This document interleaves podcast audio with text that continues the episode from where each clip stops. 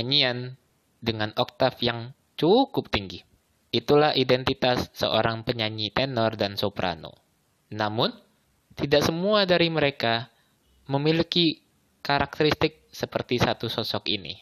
Sosok yang begitu diagungkan oleh Celine Dion sehingga suaranya dapat dijabarkan sebagai suara Tuhan ketika bernyanyi untuk umat manusia.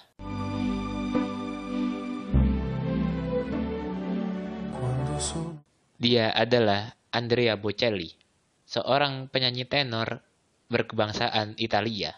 Namanya begitu diagungkan di seluruh dunia, mulai dari Paris, London, New York, hingga Tokyo sekalipun.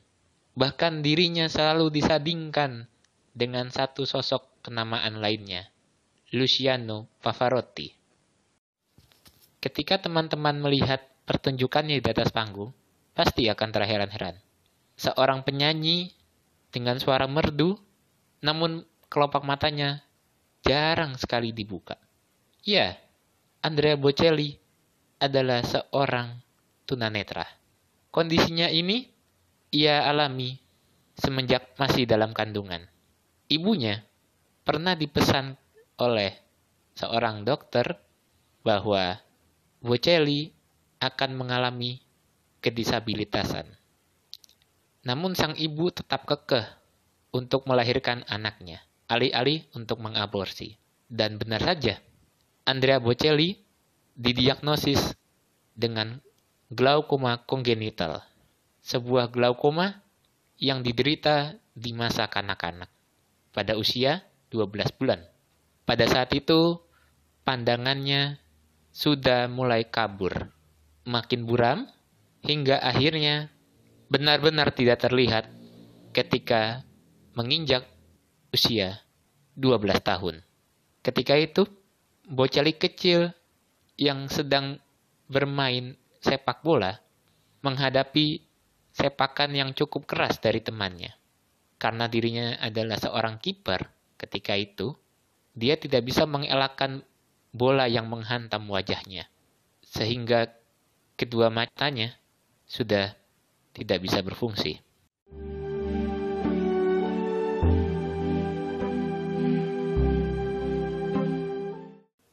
Meski dengan kondisi yang terbatas, Andrea Bocelli tetap bisa menamatkan pendidikan menengahnya pada tahun 1980.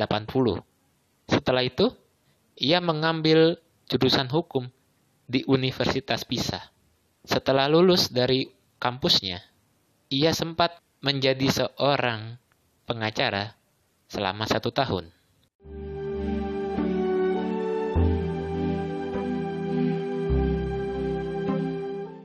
Pertemuanku dengan Andrea Bocelli bisa dibilang tidak sengaja. Aku mengenal suaranya karena sebuah intro acara sepak bola di televisi Inggris. Pada tahun 2012, aku menemukan intro BBC untuk acara Euro 2000 yang diselenggarakan di Belanda dan Belgia. Intronya apik dengan latar suasana kota-kota Belanda yang penuh dengan kanal, dengan jalanan sempit yang berbatu, dengan kafe-kafe di pinggir kanal yang begitu menggoda mata. Di sanalah tiba-tiba muncul suara seorang laki-laki dengan gagah, dengan perkasa, menghidupkan suasana sepak bola yang tiba-tiba muncul dari dalam museum. Begitu terkesimanya aku, sampai-sampai aku sibuk dengan jariku mencari siapa sih pengisi lagu dalam intro tersebut. Dan ternyata adalah Andrea Bocelli yang menyanyikan lagu dengan judul Canto de Atera. Guarda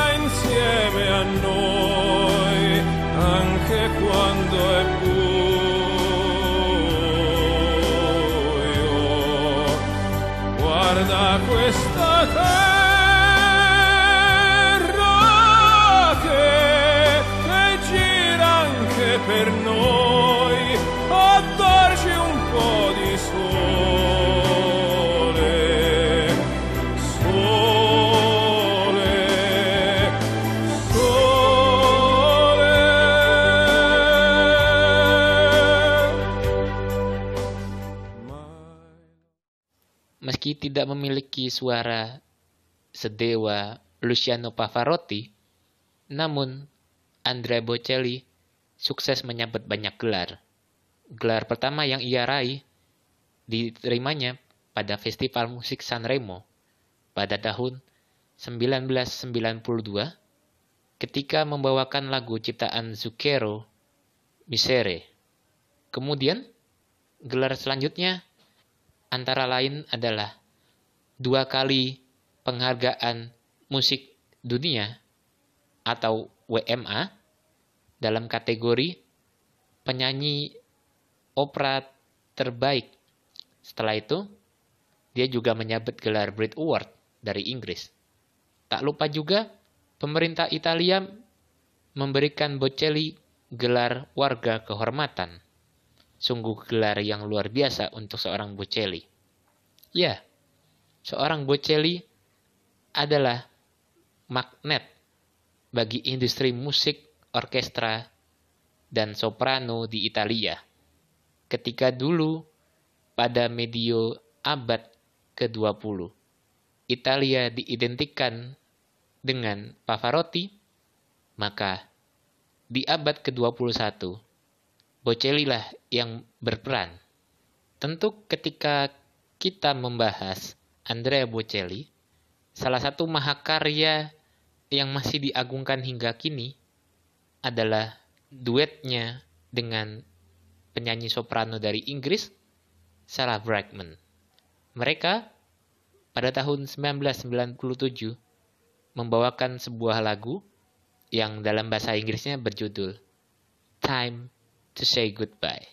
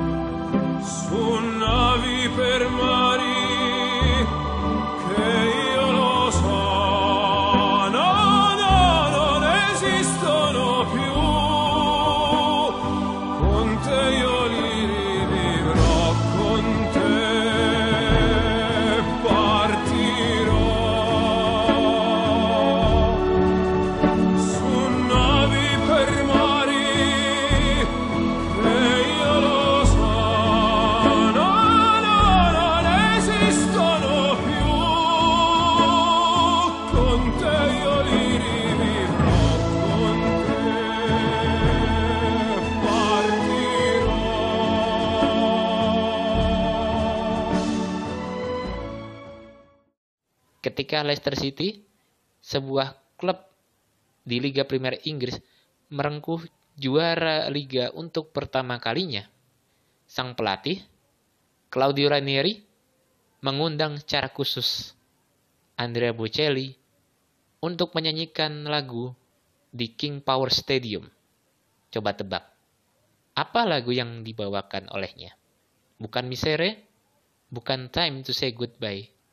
Justru Mahakarja dari Turandot, Nesun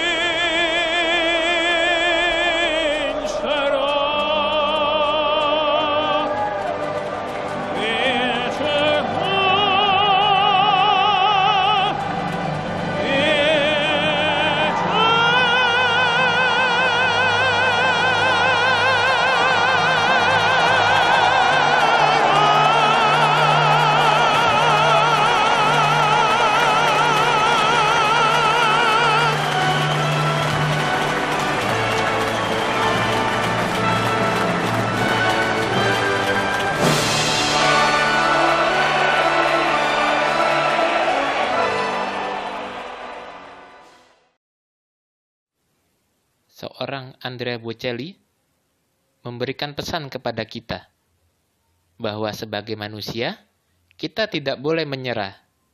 Bahkan dengan keterbatasan atau disabilitas yang kita miliki. Kita tidak dianjurkan untuk mengemis-ngemis, untuk meminta-minta, meskipun itu kepada keluarga sendiri. Kita harus bisa mandiri. Dengan disabilitas yang kita miliki, kita harus bisa mendobrak dunia.